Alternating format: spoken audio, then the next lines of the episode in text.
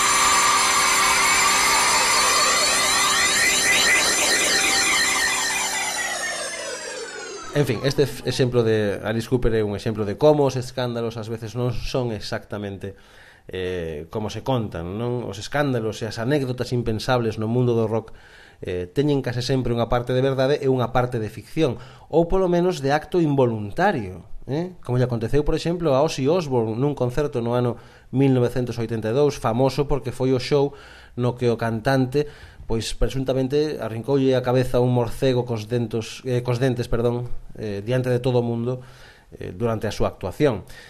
O certo é que eh, non era a primeira vez que Ozzy facía, facía algo así. Uns anos antes xa fora expulsado de Black Sabbath polos seus excesos. Porque, a ver, eh, Ozzy Osbourne estaba medio tolo, non? Entón, eh, cando foi expulsado de Black Sabbath, decidiu comezar un proxecto en solitario que o mantivera eh, no máis alto do planeta rock and roll non entón con esa intención presentárase unha reunión con varios executivos da discográfica CBS para falar do seu primeiro disco en solitario que íase chamar Blizzard of Oz of Oz eh, e levou con el dúas pombas agochadas dentro da chaqueta para celebrar que aqueles xefazos da industria musical pois íalles encantar a súa proposta e tal, non? Quería celebrarlo. Quería darlle un efecto visual á celebración dun acordo coa discográfica CBS. Pero como viu que aqueles tipos non lle facían demasiado caso e mesmo daba a sensación de que querían rematar xa, eh, de que querían rematar a reunión e marchar de ali, pois Ozzy Osbourne colleu unha das pombas que levaba agochadas na chaqueta eh, mordeuna polo pescozo, arrancoulle a cabeza e, e unha sobre a mesa onde onde estaban negociando cos directivos da, da CBS que claro quedaron alucinados, non? En fin, eh, como estaba a dicir, no que se refire ao asunto do morcego, eh, as cousas non foron exactamente como se contan non, non, non sacou do peto un roedor con alas que, que podría transmitirlle a saber cantas enfermidades e bebeulle o sangue, non como se tal cousa non. Eh, el contou eh, por si sí mesmo así eh, tempo despois como foron os feitos non? Dicía, do público saiu un morcego e pensei, pois ha de ser un xoguete Así que levantei o animal ante os focos e ensinei os dentes. O público volveuse tolo e entón fixen o que sempre facía cos xoguetes de goma sobre o escenario, mordino. De inmediato sentín que algo ía moi mal. A boca encheuseme dun líquido pegañento e cálido, co peor resaibo que vos poidedes imaginar, notei que me manchaba os dentes e que corría pola miña marbela, e logo a cabeza moveuse dentro da boca. Bah, é dicir, Osi arrancoulle a cabeza a aquel becho e bebeulle o sangue, sí, pero foi sen querer, non? O, o, sea, o tipo estaba realmente tolo, pero pero non tanto, non? E non o digo polo feito de matar un animal un animal arrincándolle o pescozo cos dentes porque iso xa o fixo coa pomba. Digo, digo, ou seja, para iso sí que estaba bastante tolo.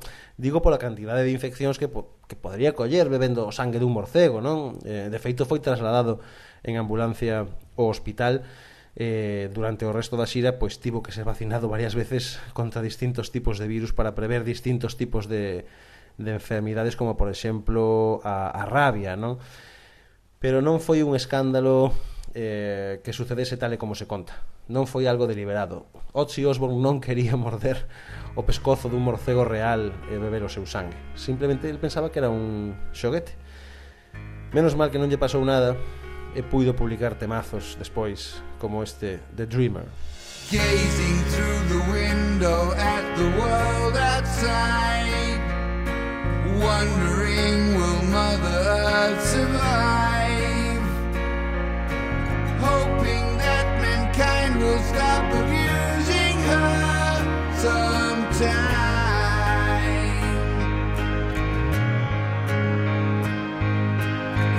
the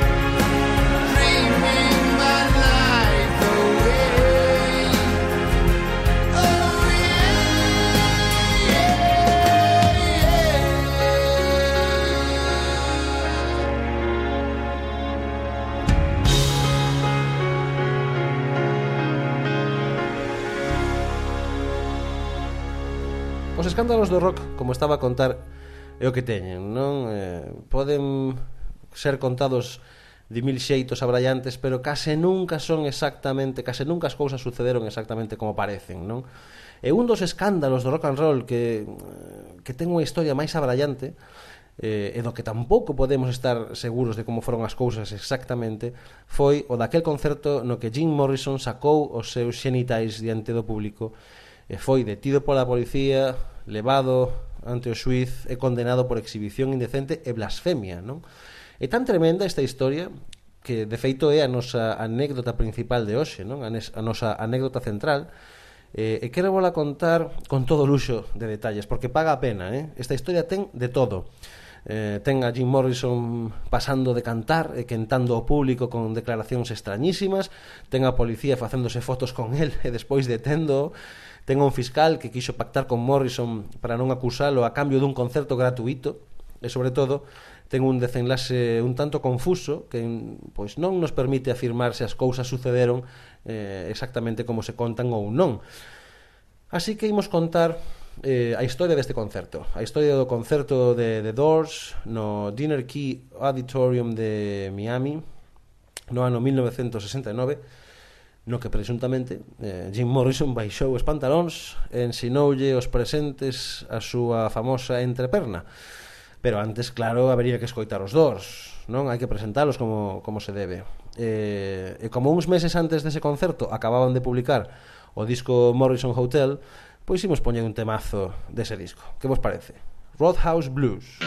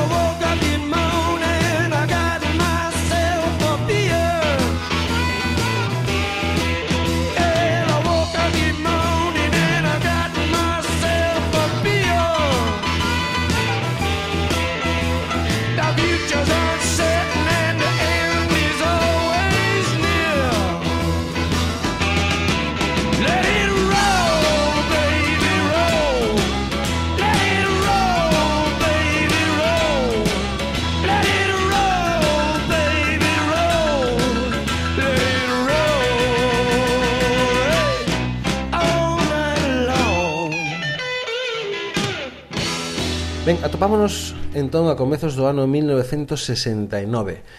Jim Morrison asistira a unha produción de teatro de The Living Theatre no Bobart Auditorium da Universidade de Southern California que lle impactou de tal xeito que cambiou a súa forma de ver as cousas, non? E iso acabou afectando a súa propia relación con The Doors.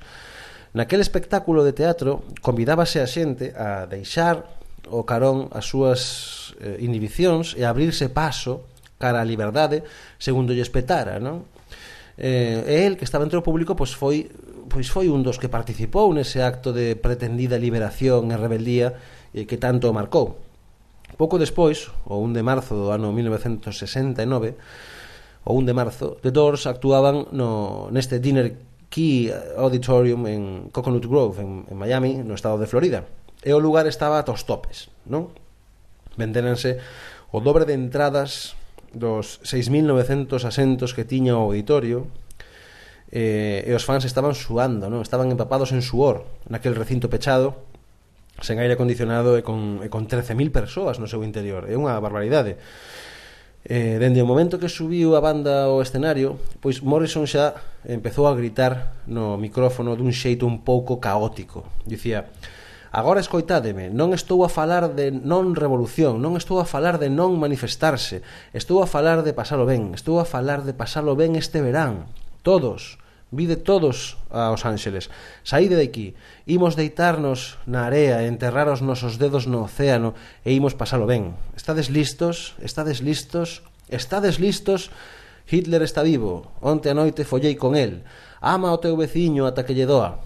En fin, un montón de ilusións caóticas, erráticas, eh, pedíndolle a xente que abandonase Florida e marchase con el a California. Ou seja, o rapaz ben ben o que se di ben non ía aquela noite, non? Eh, o grupo, de feito, comezou a tocar varias cancións pero cada vez que comezaban un tema novo eh, tiñan que deixalo pola metade porque Morrison non quería cantar, só quería dirixirse ao público, falar con eles, incitar a súa audiencia naquel recinto ateigado de persoas para que se espisen e que subisen todas esas persoas espidas o escenario.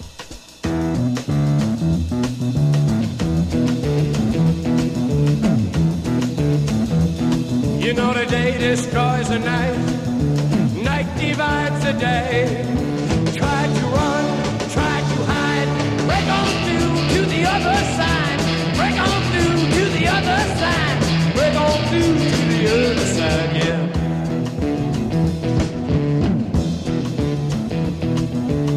Chased our pleasures here, dug our treasures there.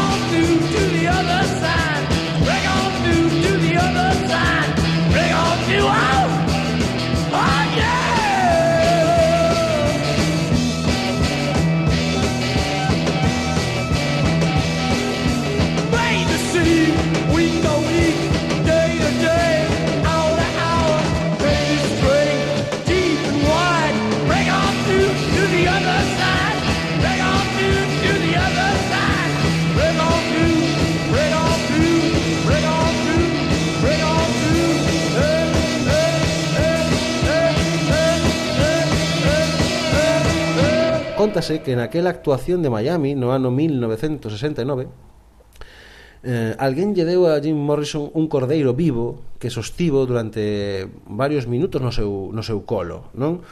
E de feito, ben, pode que, pode que fora así ou non, pero hai fotos de Morrison dese día no escenario suxeitando a ese animal, así que algo, algo diso tivo que haber, non? E na mentres el non paraba de dicirlle cousas ao público, non? Dicía, sodes un puñado de fodidos escravos, eh, todas estas cousas que digo de Morrison están en, en, eh, entre comiñas segundo o que o que os testemu, as testemunhas dese día eh, relataron, non? El dicía, deixade que todo o mundo eh, vos empurre de aquí para lá. Que ides facer con respecto a iso? Que ides facer con respecto a iso? Que ides facer?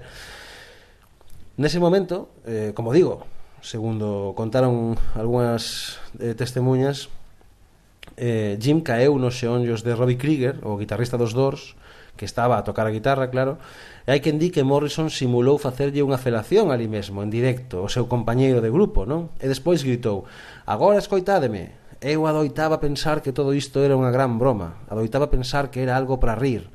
Entón, estas últimas noites coñecín algúas, algunhas persoas que estaban a facer algo, estaban a tratar de cambiar o mundo. Eu quero unirme a esa viaxe. Quero cambiar o mundo. Cambialo, sí, cambialo. Calquera cousa que queirades facer, facédea, facédea, facédea.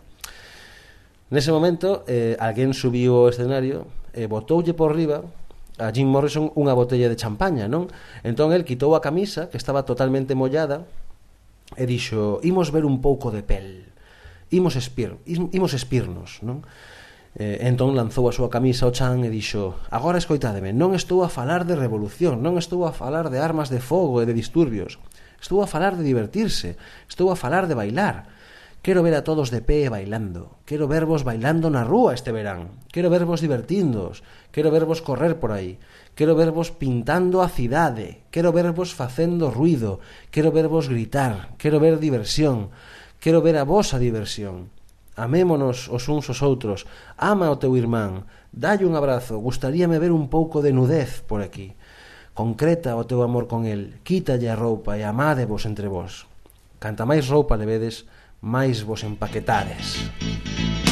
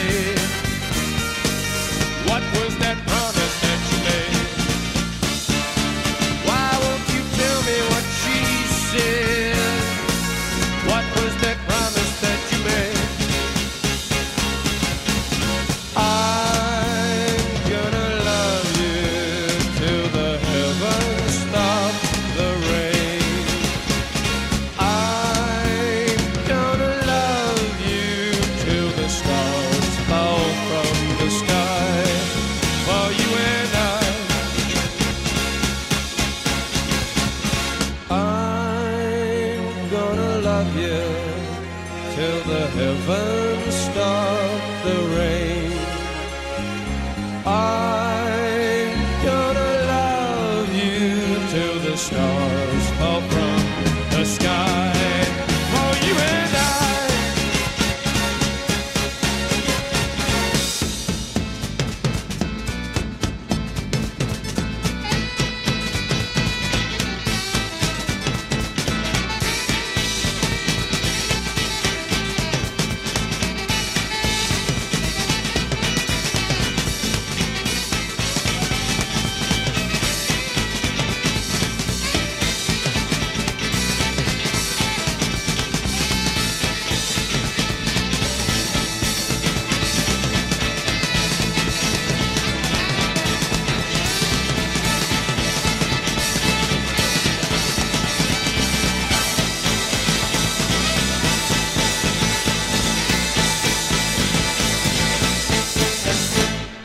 poucos minutos, Morrison volveu coller o micro e preguntou Vos non viñestes aquí pola música, verdade?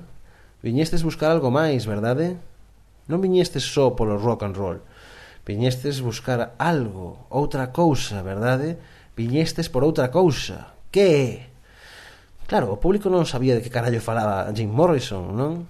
E todo o mundo quedou calado durante un momento, se cadra pensando que se trataba dunha pregunta retórica que, que pois iso, que, que, que todo o mundo pensaba que Jim continuaría a falar, non? Pero como el miraba cara a xente agardando unha resposta, pois o público comezou a gritar todo tipo de cousas. Entón, Morrison escoitounos a todos eles e contestou Tamén queredes verme entre perna, non si? É iso que viñestes buscar hoxe, verdade? Fixo un xesto nese momento Jim Morrison, como se estivera a baixar os pantalóns, pero é verdade que puxo a súa camisa diante. Así parece que foron os feitos, non?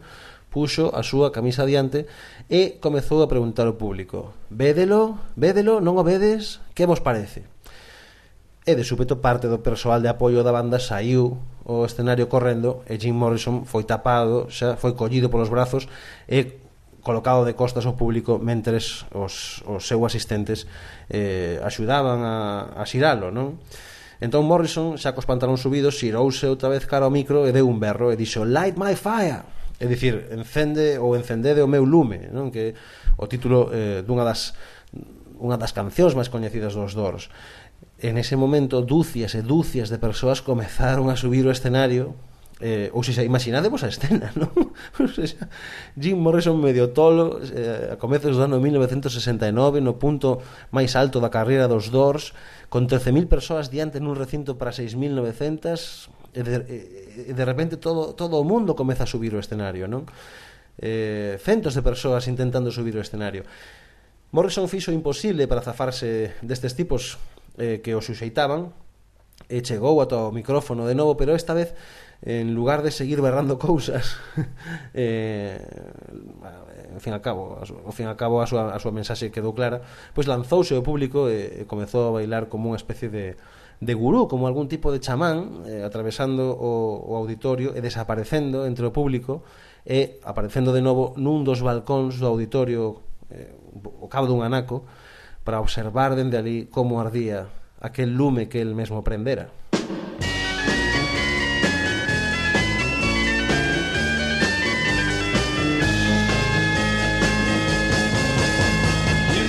It would be untrue. You know that I would be a liar if I was to say to you, girl, we couldn't get much higher. Come on, baby, light my fire.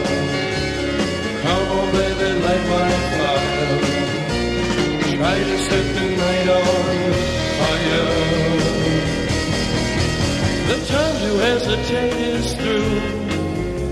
No time to wallow in the mire. Try now, we can only lose.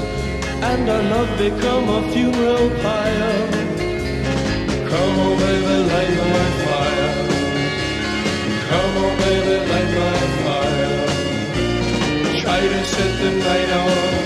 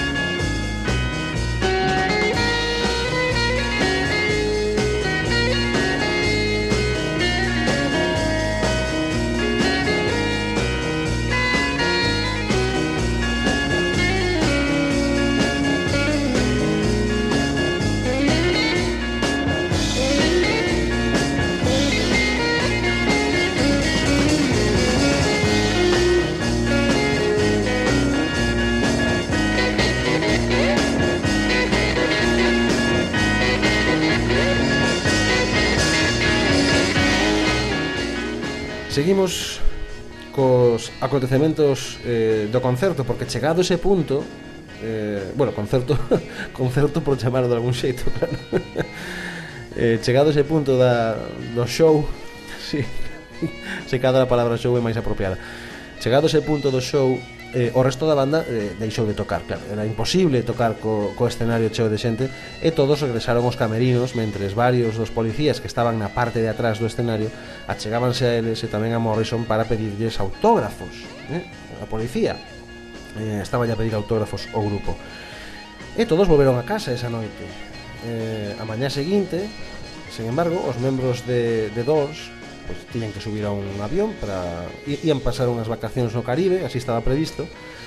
Pero foi ese mesmo día cando as cousas que aconteceron a noite anterior pois comezaron a adquirir a consideración de escándalo na sociedade daquela Florida de finais dos anos 60 un tanto mm, puritana dende logo máis puritana que a sociedade californiana que era eh, onde proviñan os dors non? Entón na rúa comezaron a aparecer os rumores de que Jim Morrison ensinara os xenitais en público, eh, de, que, de que non fora unha pantomima, de que realmente mostrara a súa entreperna eh, de xeito directo ao público durante o espectáculo da noite anterior.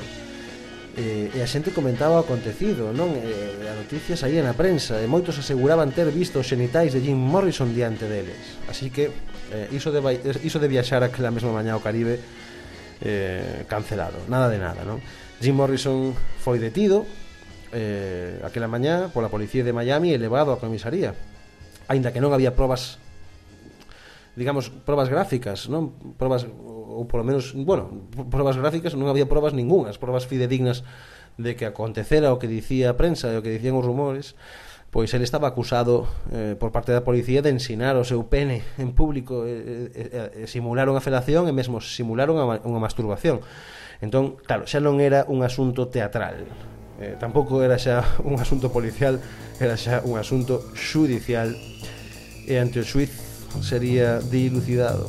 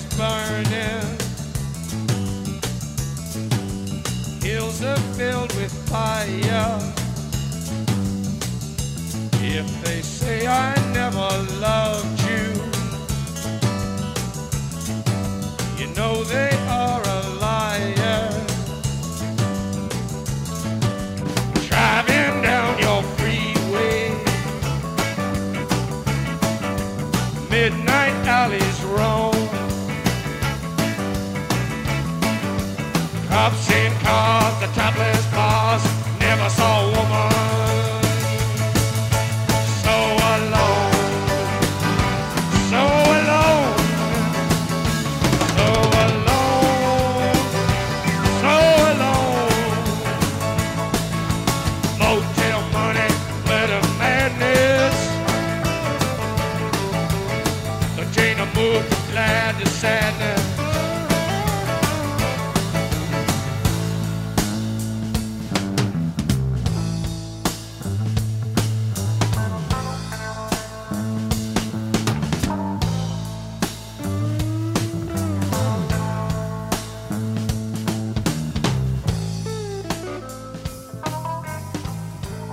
Morrison recibiu a citación para o xuizo tres días despois de ser detido, o 5 de marzo, cando xa estaba de vacacións no Caribe. Eh, aquilo ia traer cola. bueno, eh, nunca mellor dito eh, aquilo ia traer cola eh, eh, aínda que o teclista dos Dors esforzábase por restarlle ferro o sucedido describindo o accidente como unha especie de alucinación religiosa masiva debido secada das altas temperaturas e a unha situación emocionalmente moi intensa non? tamén é certo que afirmou que Morrison non fixera nada en Miami que non fixera xa outras veces eu supoño que quería dicir que, que todo era un espectáculo ensaiado e ben estudado non? pero claro, daba a sensación de que estaba a dicir que, que Morrison baixaba os pantalóns en todos os concertos dos dors non, non era un argumento moi bo En fin, o grupo tivo que suspender moitas datas de concertos, eh, gastar case un millón de dólares en abogados. Eh, Morrison falaba coa prensa para dar a súa versión dos feitos que tiñan que ver con esa obsesión súa de abrir as portas da percepción, non que era a idea da que sacou o nome da banda, as portas, The Doors. El dicía, eh, non hai regras nun concerto de rock and roll. Todo é posible, non? En Miami tentei reducir o mito ao absurdo A xente non foi ali a escoitar música. Falei a cada un dos individuos daquela masa e pregunteilles que querían facer. O suizo non me afectará, porque insisto en que creo que non fixen nada malo. A indignación ante iso non ten sentido. Estaba a alimentar a imaxe que se creou a miña redor eh, coa que eu cooperaba ás veces conscientemente e a maioría das veces inconscientemente. Estaba a probar os límites da realidade, sentía curiosidade por ver que pasaría. E iso foi todo, curiosidade.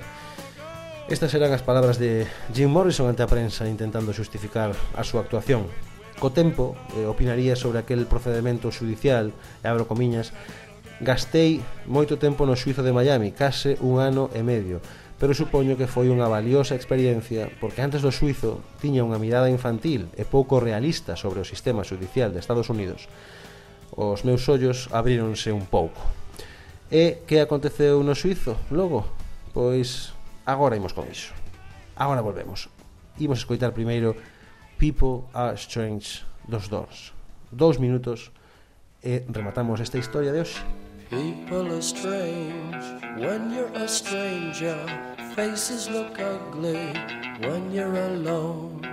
Women seem wicked when you're unwanted. Streets are uneven when you're down, when you're strange. When you're strange, no one remembers your name. When you're strange when you're strange, when you're strange. People are strange when you're a stranger. Faces look ugly when you're alone. Women seem wicked when you're unwanted. Streets are when you're down.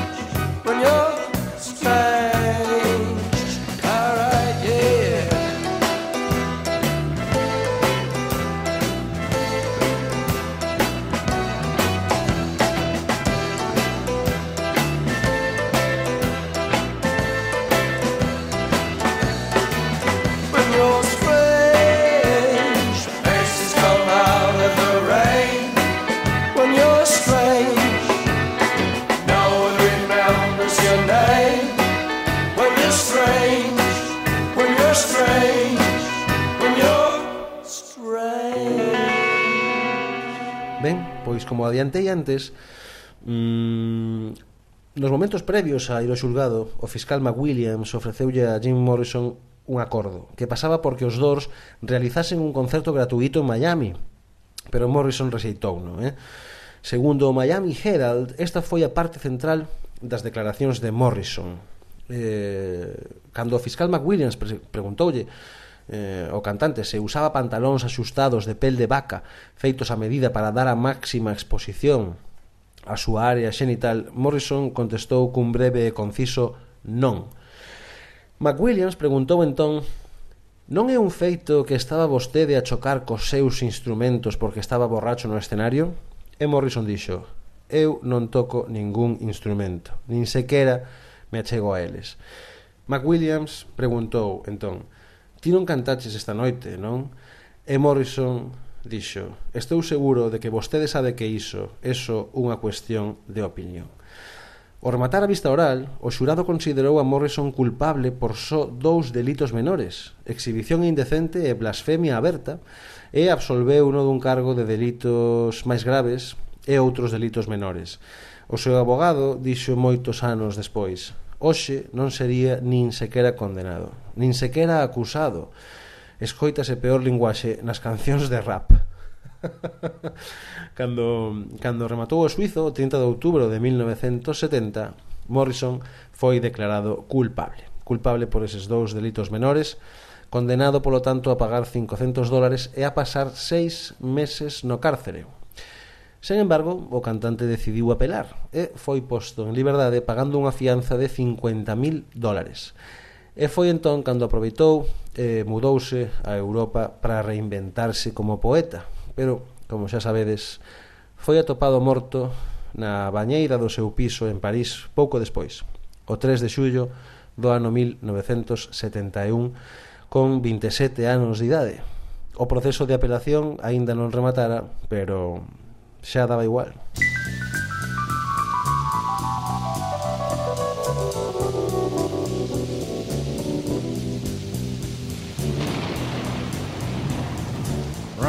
On the storm. Riders on the storm. Into this house we're born. Into this world we're thrown. Like a dog without a bone and actor out alone. Riders on the storm. There's a killer on the road.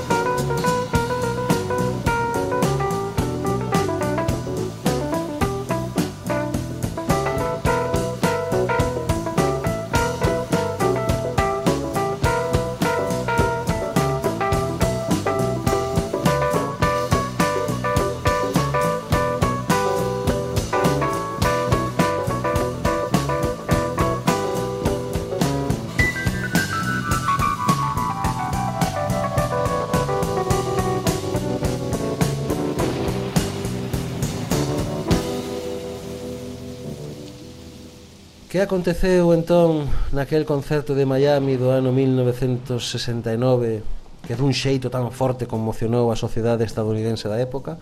Pois a saber. Alice Cooper, dende logo, non esnaquizou unha galiña diante do público nun escenario, pero a xente afirmou que así fora. Ozzy Osbourne non sabía que estaba a beber o sangue dun morcego de verdade naquel concerto en 1982. Pero o público asistente dixo que foi un acto deliberado. Baixou Jim Morrison os pantalóns en Miami no ano 1969 e mostrou os seus xenitais á audiencia, algo que naquela época era merecedor de pasar seis meses no caldeiro? Pois non o sabemos. No caso do rock and roll, case nada é o que parece, como dicíamos ao comezo. Especialmente cando falamos de escándalos. Se se trata de rock and roll, moi poucos feitos son tan escandalosos como se conta. E nos Por outra banda, limitámonos a contar a cara B deses feitos que deron forma ás lendas do rock e o pop. Sodes vos os que sacades as vosas propias conclusións, non nós. Pero acontece con todas os isto acontece con todas as historias. Eh? O importante sempre é contalas, non non xulgar o acontecido. E nos volveremos con máis historias como esta na vindeira entrega deste espazo chamado Cara B. Cuidadevos moito. Yeah, come on.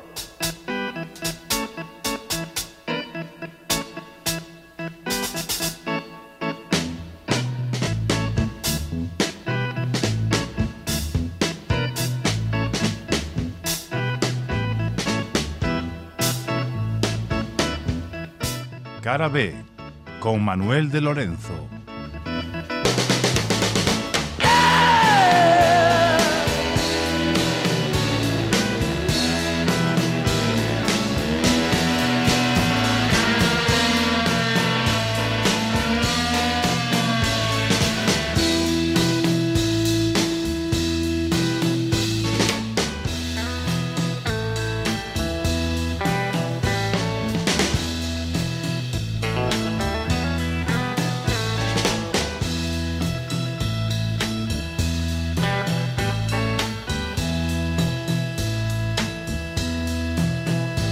When the music's over.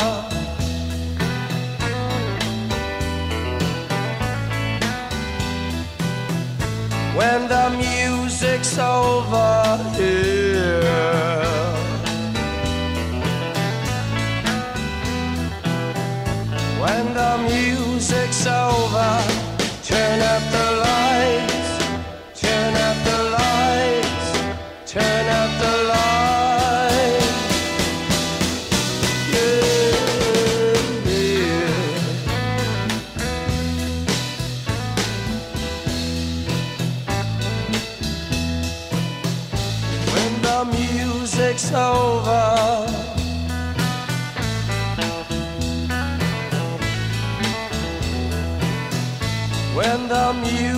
it's over.